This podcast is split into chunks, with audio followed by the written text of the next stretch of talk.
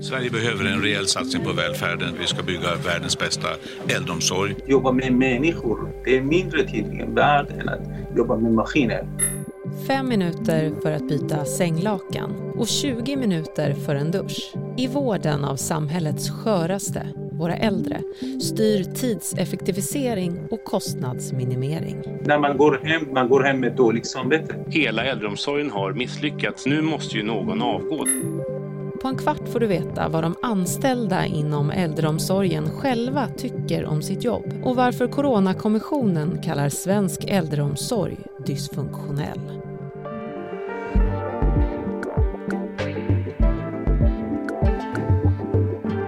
Idag är det onsdag den 21 april. Jag heter Karin Bülow Orje och du lyssnar till Dagens Story från Svenska Dagbladet.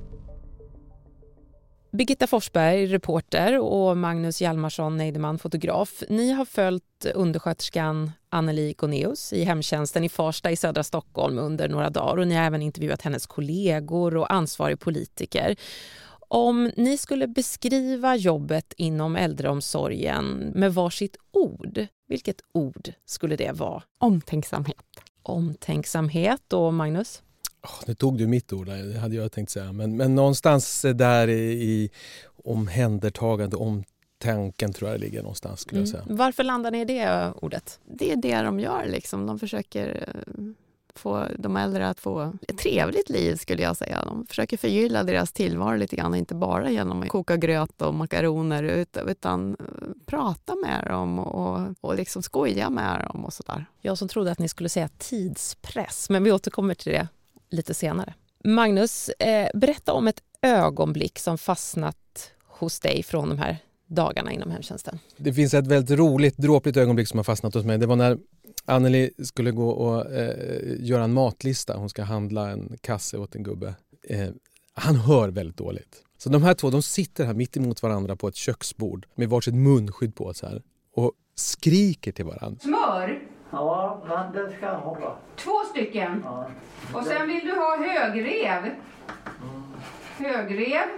Det står toapapper här! Ska du ha den mjuka? Det är fruktansvärt roligt det där. Jag står bara och fnittrar ute i hallen och filmar det här. Ja, jag förstår det. det men ni måste ha mötts av flera sådana här speciella ögonblick och personer och situationer. Eh, berätta mer om Anneli och hennes förutsättningar att göra sitt jobb. Ja, men Anneli började ju i hemtjänsten utan utbildning och efter ett par år så utbildade hon sig till vårdbiträde och efter 32 år utbildade hon sig till undersköterska.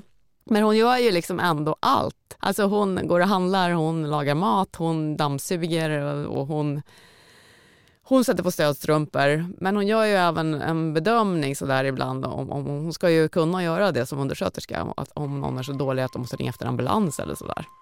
Kommissionen konstaterar att äldreomsorgen har strukturella brister. Regeringens coronakommission granskade först och främst smittspridningen men pekade också ut stora brister som äldreomsorgen dragits med länge. Till exempel att den är underfinansierad, har låg personaltäthet och är krångligt organiserad. Ett exempel på det är att våra 290 kommuner ansvarar för själva hemtjänsten och särskilda boenden och sjuksköterskevården där medan regionerna ska tillhandahålla läkare. Dessa brister lämnade verksamheten oförberedd för det som skulle komma med pandemin. Och efter rapporten så var det många som ställde sig frågan hur illa ställt är det med äldreomsorgen egentligen? Det är en svår fråga. För på vissa ställen är det, funkar det jättebra. På andra ställen känns det otroligt svårt och, ohanterligt. Den här hemtjänsten var väl egentligen... Alltså det är klart att de har ett tajt schema. Det som jag mest reagerade på så var det den här ständiga kontrollen som de har. Varenda detalj, varenda grej, varenda delmoment när du är hemma hos en äldre ska liksom mätas och loggas in i telefonen. Skulle jag vara under den situationen så skulle jag göra uppror för länge sedan. Det, det, det var något som jag hade svårt för. Hur skulle du säga att läget är för äldreomsorgen? Vi besökte ju en väldigt välskött verksamhet. Det märktes ju att nästan alla var utbildade undersköterskor. De hade ju väldigt låg sjukfrånvaro jämfört med andra enheter för eftersom undersköterska är det yrke i Sverige med högst eh, sjukfrånvaro. Ändå måste man ju säga att den här tidspressen som Magnus pratar om med det här ständiga blippandet och att de hela tiden måste ha ett öga på klockan var ju väldigt stressande för personalen. Det verkar som att många återkom just till det här med tiden. Ja, det var det de klagade på mest, att, att de har ju en viss tid, till exempel tre minuter för att bädda och fem minuter för att bädda rent. Och det är väldigt tidsstyrt. Men jag kan ju känna att det de äldre mest ville ha var ju att någon skulle sätta sig ner och prata med dem och hålla dem sällskap. Men istället var de ju tvungna att springa runt liksom och fixa allt som skulle fixas. Anneli som var med var ju otroligt skicklig på att göra båda samtidigt. Ja, hörru du, det är lite tråkigt när man äntligen ska köpa något gott att mumsa på. Samtidigt som hon fixade allting så pratade hon ju hela tiden, hela tiden, hela tiden med dem. Anneli som ni följde, hon har ju jobbat inom äldreomsorgen i över 30 år. Eh, vad är de största skillnaderna idag jämfört med på 90-talet inom svensk äldreomsorg? Ja, men de berättar ju det. Att då var det ju inte att en viss sak skulle ta viss tid utan man gick dit och gjorde när man skulle. Men det där var de lite oense om. Alltså de som var ute hos de äldre tyckte ju att det var bättre förr då man, då man kunde ta sig tid. Medan chefen då, Maria Hosseinpour påpekade ju att man måste också värna om skattebetalarnas pengar och att man måste ju faktiskt ha koll på att saker görs som ska göras. Men hur blev det då sån tidspress inom svensk äldreomsorg? Det var ju det här New Public Management som kom på 90-talet. Man skulle mäta det, allting skulle vara som på en lastbilsfabrik som på Scania. Det skulle ta visst antal sekunder att sätta i den där skruven och så vidare. Och det passar ju säkert jättebra om man har robotar som gör det, men det är kanske lite svårare att duscha en människa än att bygga en motordel. Det kan ju ta fem minuter att duscha en människa som bara hoppar in i duschen själv och det kan ta en halvtimme ibland för det tar 15 minuter bara att övertyga dem om att de ska duscha. New Public Management är det styrsystem som till stor del ligger bakom tidsövervakningen. Man tyckte att offentlig sektor var ineffektiv och ville få den mer lik det privata näringslivet. Och då införde man det här tidsmätning, allting skulle mätas. Poängen med att använda den modellen inom äldreomsorgen är att öka konkurrenskraften och få den mer kostnadseffektiv. Men tillitsdelegationen som regeringen tillsatte redan 2016 pekar dock på att det här tidseffektiviseringssystemet har underminerat flexibiliteten, kvaliteten och också arbetsglädjen i offentlig verksamhet.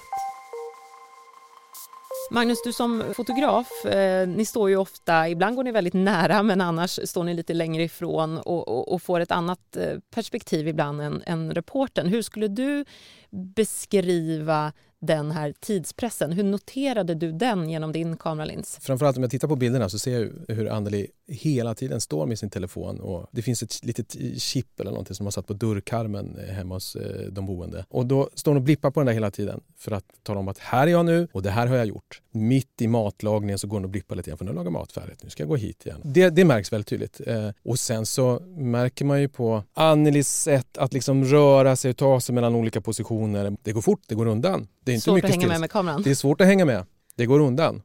Men vem är det som bestämmer att det ska ta 20 minuter att duscha någon?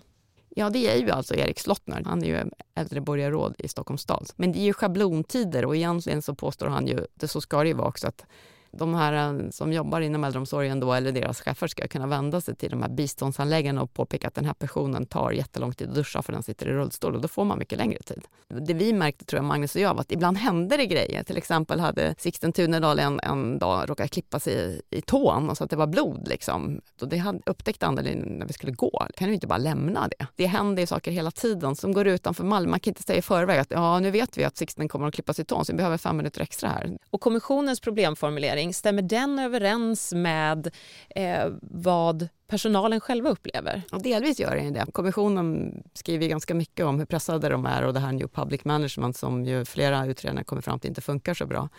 Det stämmer ju, men, men chefen där vi var, hon eh, tyckte inte det stämde med timvikarier för att hon tyckte att om man får ett timvikariat så får man ju flera veckor och då kan man visst sjukskriva sig om man är sjuk. Det är inte så att de måste gå till jobbet sjuka och sprida covid då för att de inte får någon sjukpenning, för det får de. Och så har de, använder de ju hela tiden samma timmisar som hon säger. Men det, det var väl, erkänner jag också att det var väldigt, ganska unikt för den här verksamheten som vi var på.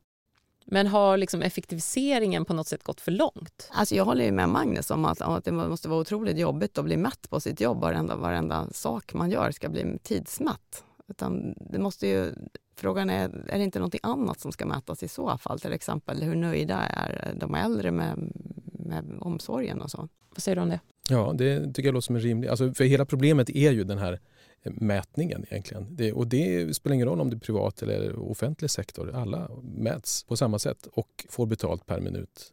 Nu har ju ni bara pratat med den ansvarige i Stockholm, men om vi utgår ifrån det, finns det någon ambition att ändra tidsaspekten? Eller vill man behålla, vill politikerna behålla det så som det är nu?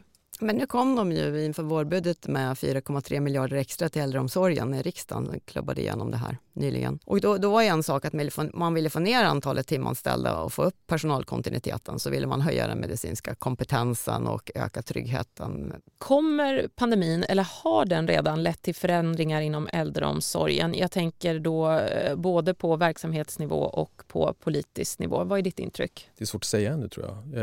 Eh, alltså, nu finns det en akut situation som man har tagit hand om som har att göra väldigt mycket med hygien och visir och munskydd och tvätta händerna och sånt där. Eh, men sen får vi väl se vad som händer i framtiden.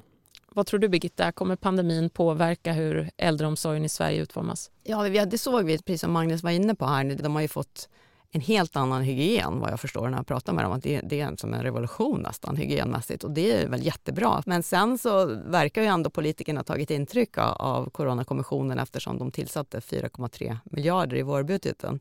Nu kan man tycka att 4,3 miljarder är jättemycket pengar men i sammanhanget är det ganska lite för att eh, det, det kostar 130 miljarder kronor per år, eh, äldreomsorgen i vanliga fall. Då skriker de ju efter mer personal och mer tid. Eller egentligen skriker de efter mer tid, men det betyder ju alltså mer personal. Vi bränner ut de här kvinnorna på löpande band. Någon, några måste ju ställa sig upp och säga vi tar ansvar för detta. Äldreomsorgen står högt på listan. Enligt Sveriges kommuner och regioner, SKR, kommer kostnaden för äldreomsorgen med dagens personaltäthet att öka från knappt 130 miljarder till 200 miljarder inom tio år enbart på grund av att en stor andel av befolkningen blir äldre. Skulle dessutom en dusch beräknas ta 30 minuter istället för 20 så skulle kalkylen bli än kostsammare. Vi ska gå tillbaka till ert reportage. Hur har det varit att följa Anneli och hennes kollegor på plats? Härifrån tidningen så bestämde man att vi ska ta ett coronatest varje dag innan vi börjar. Eh, och sen hade vi ju visir på oss hela tiden och spritade händer och spritade visir och sånt där. Och det är komplicerat. Jag kan säga att det är så svårt att filma och fota genom ett visir. Det är skitstruligt faktiskt, men det får vi bara göra. Vi har ju kommit och gått det ganska mycket så att det kändes ju som att vi var väldigt välkomna. Det var väldigt, väldigt varmt arbetsplats. Det var det faktiskt. Det var sådär, men hej fotografen, ska du ha lite Java? Och det var väldigt trevligt i det. Väldigt familjärt. Om vi ska avrunda lite. Jag kan ju inte, eh, inte fråga vad den här granskningen och er tid nu inom äldreomsorgen har väckt för tankar om, om ert eget åldrande. Ja, det var ständigt närvarande den där åldersångesten faktiskt. När man ser de här människorna så tänker man så här, det här är jag snart. Och då måste man ju se till att, men finns det ens en hemtjänst som tar hand om mig när jag blir så gammal? Existerar det? Det hoppas jag ju. Jag tänkte som Magnus, ja snart är det min tur. och, och då kände jag att ja, men jag kan absolut tänka mig att ha hemtjänst alltså. Om, om de är som här, som Anneli är så trevliga och, och så. Tack så mycket för att eh ni kom eh, att vara med i podden, Birgitta Forsberg och Magnus Hjalmarsson Neideman.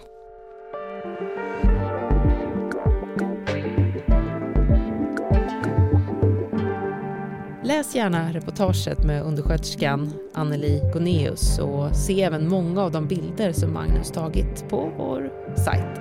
Vi som gjorde dagens program var Siri Hill, producent, redaktör Maria Gelmini och jag heter Karin Bülow Orje. Dagens story från Svenska Dagbladet. Ett ämne, en kvart, varje vardag.